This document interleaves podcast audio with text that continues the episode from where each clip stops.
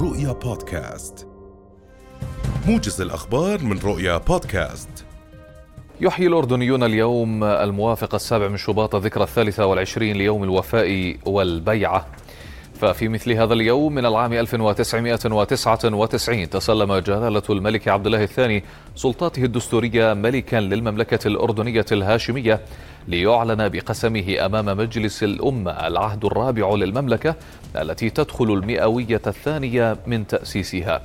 هذا وتلقى جلالة الملك برقيات من كبار المسؤولين المدنيين والعسكريين وممثلي الفعاليات الرسمية والشعبية بمناسبة الذكرى الثالثة والعشرين ليوم الوفاء والبيعة واستذكر مرسل البرقيات المغفور له بإذن الله جلالة الملك الحسين بن طلال طيب الله ثراه واعربوا عن فخرهم واعتزازهم بالإنجازات الكبيرة التي حققتها المملكة بقيادة جلالة الملك عبد الله الثاني في المجالات كافة.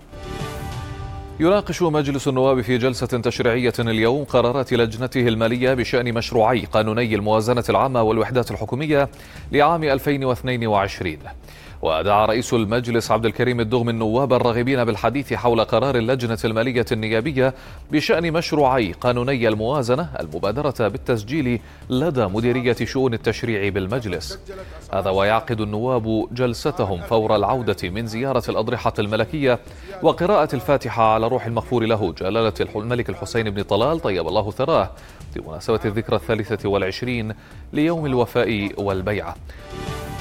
بدأت الهيئة المستقلة للانتخاب استقبال طلبات الترشح لانتخابات مجالس المحافظات والمجالس البلدية ومجلس أمانة عمان 2022 وقالت الهيئة إن مدة استقبال طلبات الترشح ثلاثة أيام ويسمح بإطلاق الدعاية الانتخابية للمرشحين ضمن قواعد حملات الدعاية الانتخابية في التعليمات التنفيذية الخاصة بها والمعلنة والمنشورة من قبل الهيئة المستقلة للانتخاب وفق الأصول.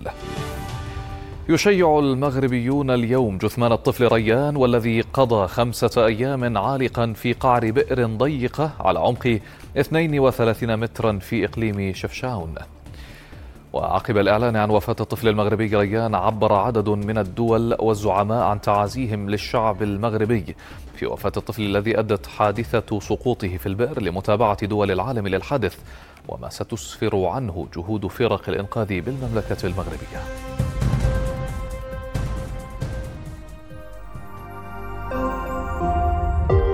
رؤيا بودكاست